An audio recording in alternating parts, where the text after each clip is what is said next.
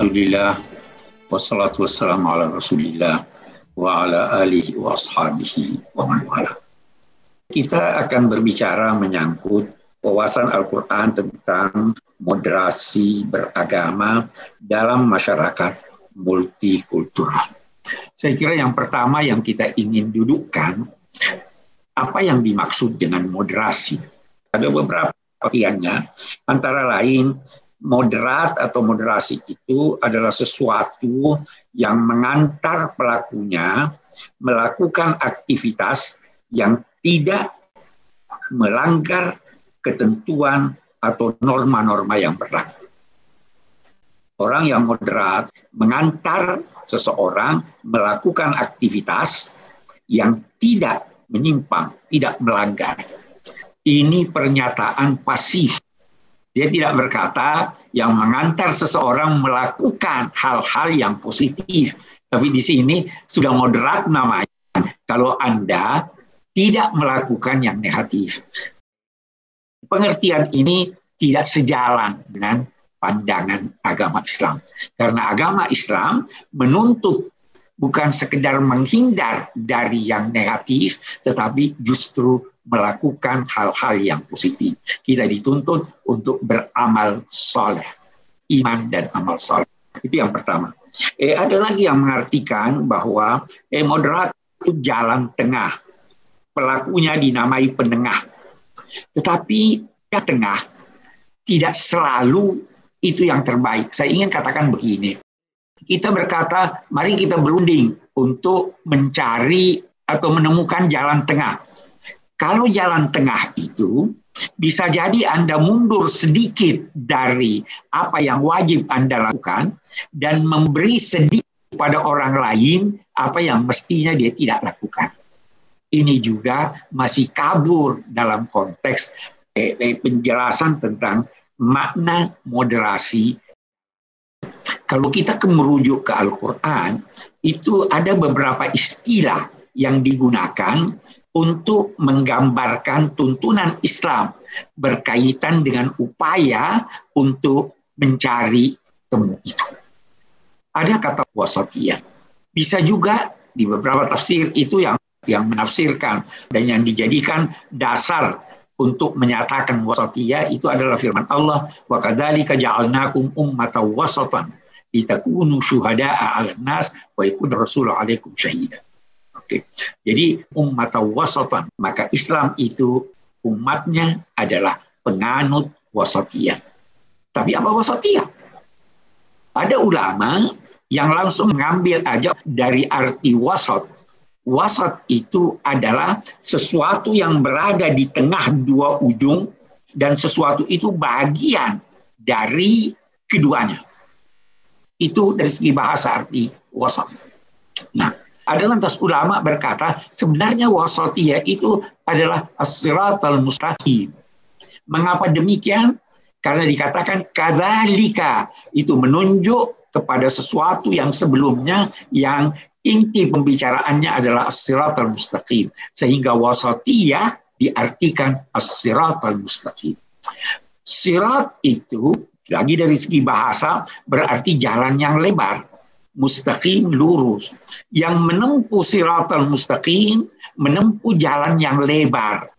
Dan jalan yang lebar itu dinamai sirat dari kata salafa yang berarti menelan seakan-akan yang berjalan di jalan itu sedemikian kecil sehingga dapat ditelan oleh jalan. Sirat itu demikian lebar sehingga menelan pejalan-pejalannya dalam arti mereka tidak berdesak-desakan, mereka bisa berjalan seiring walaupun mereka berbeda-beda. Ini mungkin bisa kita kaitkan dengan wawasan beragama dalam masyarakat multikultural. Kita multikultural, banyak sekali eh, eh, budaya kita yang berbeda-beda, tapi semua bisa ditampung bagi yang melaksanakan moderasi, bagi yang melaksanakan wasatiyah, bagi yang melaksanakan eh, tuntunan siratal mustaqim. Kita tidak perlu bertengkar. Jalan lebar. semua mengantar ke sorga. Yahdi billahu manittaba'a ridwanahu subulas salam. Allah menuntut, menuntun melalui kitab sucinya siapa yang benar-benar mengikuti tuntunannya, menuntunnya menuju ke jalan-jalan kedamaian. Anda lihat jalan-jalan, banyak jalan. Si A silahkan lewat sana, si silahkan lewat sana, si C silahkan lewat sana. Syaratnya apa? Jalannya jalan damai. Mari kita berjalan bersama di suatu jalan yang lebar.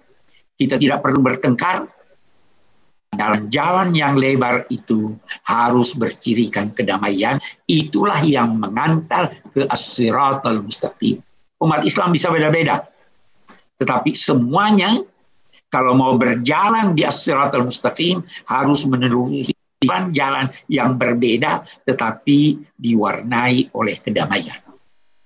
Bagaimana diwarnai oleh kedamaian? Rinciannya bisa banyak. Kalau berbeda agama, lakum dinukum jadi. Kita bisa berkata, inna au lahu dan au mubin. Kami atau kamu bisa jadi kita benar, bisa jadi salah. Kita tidak diminta mempertanggungjawab dosa-dosa atau amal perbuatan kita itu serahkan kepada Allah nanti di hari kemudian dia menentukan ini ini kalau kita fahami moderasi atau wasotia itu pengertian Rasul Mustaqim ada istilah lain as-sadat sadat itu berarti tepat bukan berarti benar tetapi tepat tepat waktunya tepat caranya tepat kandungannya tepat sasarannya. Saya ingin eh, beri contoh. Seorang yang pergi sholat Jumat, ya khotib berkhutbah, Anda lantas menegur siapa yang di samping Anda. Teguran Anda itu dinilai mengurangi atau bahkan membatalkan pahala sholat Jumat Anda. Padahal bisa jadi teguran Anda itu benar, tetapi teguran itu tidak tepat, tidak tepat waktunya, tidak tepat tempatnya. Jadi eh, juga adalah sadar mencari apa yang benar dan melakukannya di tempat dan waktu yang benar. Nah ini ini makna-makna perasaan dari eh, wasotia yang biasa kita terjemahkan dengan moderasi. Eh, kalau kita masuk dalam eh, definisi, ya eh, ada menulis buku tentang wasotia. Di sana saya katakan hampir tidak ditemukan, hampir saya yang terbatas ini tidak menemukan eh, definisi dari wasotia. Ada beberapa, tetapi tidak jelas dan belum jangan belum menghimpun segala sesuatu yang berkaitan dengan wasatiyah, belum juga mengeluarkan apa yang tidak berkaitan dengan wasatiyah. Karena itu ada yang berkata wasatiyah itu adalah Islam.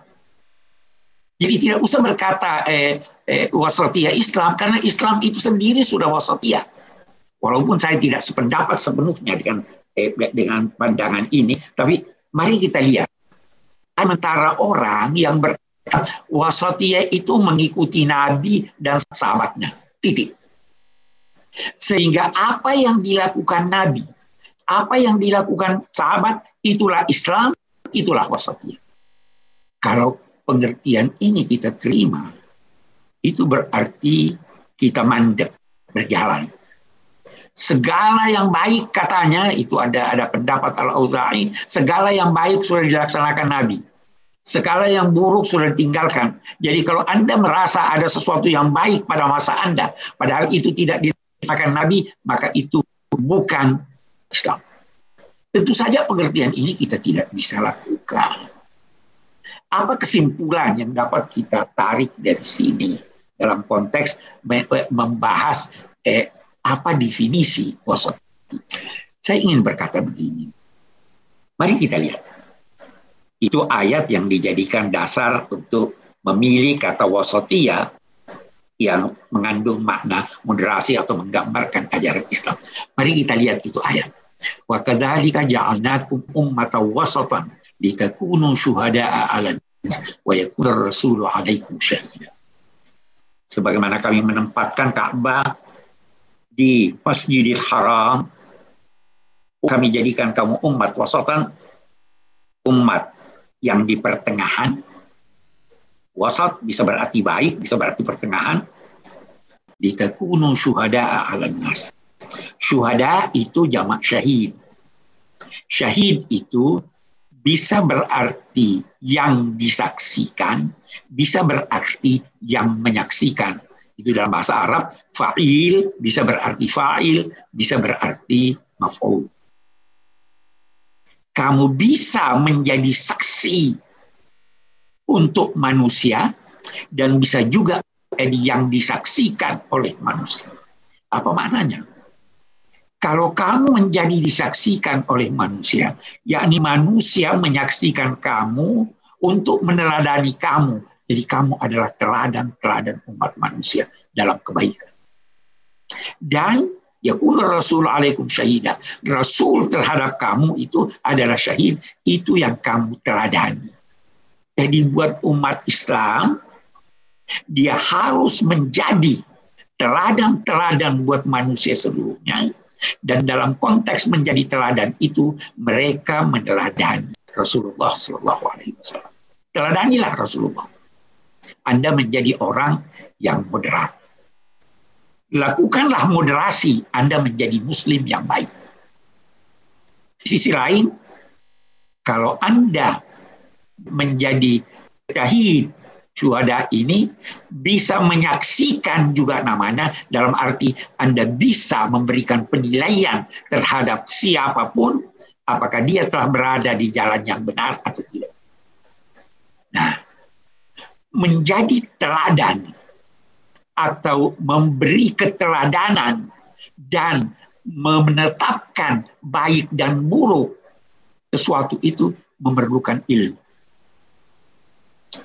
Tanpa ilmu, Anda tidak bisa memberi. Saya akan memberi contoh dari eh, sesuatu yang kita katakan wasat tengah. Kalau ada orang duduk di depan Anda. Katakanlah si A, si B, si C, tiga orang. Siapa yang di tengah? Anda berkata B. Itu Anda berkata B karena Anda tahu bahwa di Anda ada tiga orang. Tetapi kalau yang di depan Anda itu lima orang, siapa yang di tengah? A, B, C, D, E. Salah Anda kalau Anda berkata di tengah itu B. Karena jumlahnya lima orang. Demikian seterusnya. Tanpa ilmu, Anda tidak bisa melakukan moderasi dan tidak bisa tetapkan si A itu moderat atau tidak. Nah ini ilmu kita butuhkan. Boleh jadi selama ini kita tidak punya ilmu atau ilmu kita terbatas. Kita hanya satu tak tahu satu. Katakanlah oh, cuma tahu mazhab Syafi'i. Maka salahlah orang yang tidak kunut. Padahal kalau dia tahu ada mazhab lain yang membolehkan, oh dia yang boleh-boleh saja. Dan itu banyak sekali terjadi dalam kehidupan kita. Keterbatasan pengetahuan tidak mungkin melahirkan sikap moderasi. Syarat pertama. Syarat kedua adalah memelihara emosi, mengendalikan emosi. Ada orang emosinya meluap-meluap sehingga dalam dua tanda petik semangatnya lebih dari Tuhan. Dia mau menginginkan semua orang ini semua orang harus masuk Islam. Agama Islam, agama yang benar. Padahal Tuhan berkata, lakum dinukum waliyadin. Tuhan berkata, man sya'afal yu'min wa man sya'afal yakfur. Ini emosi yang berlebihan. Ada satu orang, kita ambil contoh yang lain. Satu orang beragama baik. Dia bangun malam sholat tahajud. Kemudian dia menemukan satu orang tidak sholat tahajud, tidak puasa Senin Kamis, tetapi eh, dia hanya puasa Ramadan, dia hanya salat pada waktu, tidak salat sunnah. Orang yang tadi bangun sholat tahajud dan sebagainya dan sebagainya menilai orang tadi kurang beragama. Ini emosi keagamaan yang berlebih. Nah, sebaliknya juga begitu. Ada orang yang eh, katakanlah eh, pakaiannya biasa-biasa saja, tidak pakai pici, boleh jadi dia tidak memakai cadar, boleh jadi ini. Terus menilai orang yang pakai cadar, pakai jenggot, oh itu ekstrim. Padahal ini penilaian lahir dari emosi yang tidak terkendali. Syarat untuk melaksanakan moderasi itu atau wasatia itu adalah harus kendalikan emosi Anda. Nah, terus ada hal yang ketiga yang perlu diperhatikan yaitu kehati-hatian. Apa yang dimaksud dengan kehati-hatian? Itu ulama berkata bahwa setan itu selalu menggoda manusia. Godaannya ada dua macam. Melebihkan atau mengurangi. Saya beri Anda contoh. Eh, satu orang datang minta, tolong bantu saya, saya perlu uang. Maka Anda begitu melihat dia, terus berkata, oh ya nanti saya bantu. Maka si ini masuk ke dalam untuk ambil uang, memberikan yang minta ini.